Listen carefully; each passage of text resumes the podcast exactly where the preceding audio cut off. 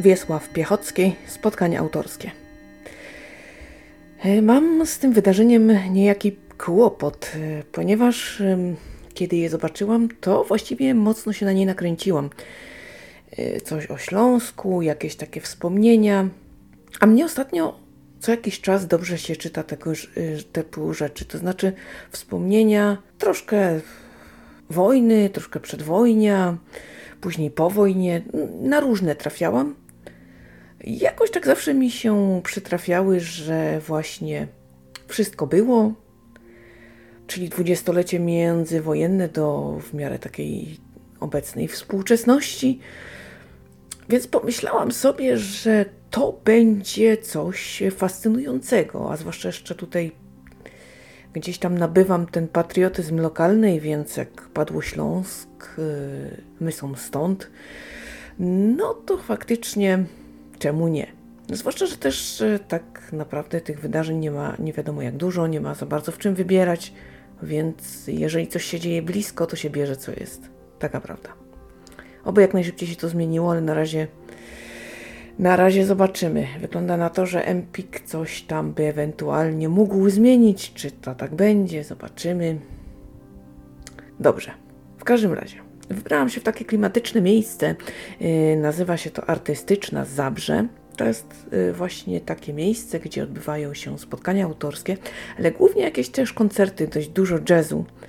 Akurat ten gatunek muzyki jest mi bardzo obcy, nie lubię zbyt, yy, więc nie korzystam, no ale spotkania autorskie jak najbardziej. W ogóle miejsce jest o tyle chyba dość nietypowe, że Y, tam chętnie wpuszczą Was z pupilem. No i były takie dwa pieseły, które, prawda, tam co nieco na siebie krzyczały. Jednak y, gdzieś tam zostały ogarnięte, ale nikim tam y, za bardzo nie miał tego za złe. No po prostu fajnie, że można przyjść ze swoim zwierzakiem i jest to mile widziane. Więc tak. No i teraz przejdźmy do sedna. Zaczęło się spotkanie autorskie i tak siedziałam i zastanawiałam się, o Boże, co ja tu robię. Bo tak naprawdę ono było dość miałkie. Owszem, autor opowiadał o swoich y, pasjach podróżniczych, wszelakich fascynacjach, mm, o dzieciństwie i takiej ciekawości światem. Zawsze chciał wiedzieć, co jest za horyzontem, dokąd zmierzają pociągi i tak No wiadomo, szkoła, zamiłowanie do języków, studia, no a potem PRL i trudne czasy, ślub dzieci, uniwersytet, praca, opłacana na pewno gorzej niż gdziekolwiek indziej mogłoby to być. Ostrożność, bo nie wiadomo komu i co można powiedzieć. Braki, a do tego rosnące napięcie, ponieważ przecież Warunki zmuszały ludzi, aby protestować i to narastało. Autor postanowił wyemigrować. Najpierw trafił do Norwegii, a potem do Liechtensteinu. I tyle lat po emigracji, a przecież naprawdę nie brakowało mu słów. I tutaj właśnie prowadzący to zauważył, że hmm, wielu wyjeżdża i nagle okazuje się, hmm, nie wiem jak to jest po polsku, och, E, no tymczasem da się e, mimo wszystko funkcjonować normalnie i nie mieć takiej maniery. Naprawdę lata 80. mamy rok 2022, no to sami powiedzcie. Dużo, prawda? Ogromny szacun dla autora. E, były czytane teksty tutaj z tej książki mm, o E, najnowszej o właśnie problemach z paszportem, o e, samym wypłynięciu już promem, o, różnych takich rzeczach. Były wspomnienia m, takie codzienne, m, pierwsze trudności, przecież pierwsza praca wcale nie była taka różowa.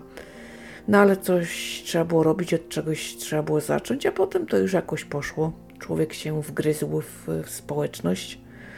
No i na dzień dzisiejszy jest naprawdę dobrze. Do tego takie mm, ciekawe anegdotki o e, rodzinie królewskiej na wywiadówce. To rzeczywiście fajne. No i o tym, że do pracy jak się jedzie, to się jedzie przez dwa kraje, też fajne.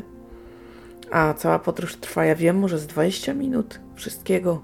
Plus minus, prawda? Bo to e, wiadomo, mm, jak to na drogach. Mm, no i takie tam. I sobie tak to spotkanie płynęło. E, jakieś przedemigracyjne lęki, jakieś koszmary poemigracyjne, które hm, szczerze powiedziawszy, ja nie wiem, ale takie troszkę na wyrost chyba ja do tego tak dość sceptycznie podeszłam. Mogę nie mieć racji, bo to dość subiektywne jest, prawda? Każdy ma prawo bać się czego chce i dla każdego jego problem jest największy. Natomiast, e, natomiast siedziałam tak sobie na tym spotkaniu i kminiłam, dumałam, jak to jest. No przecież jest jakoś tak o niczym, a w sumie o wszystkim. No i co?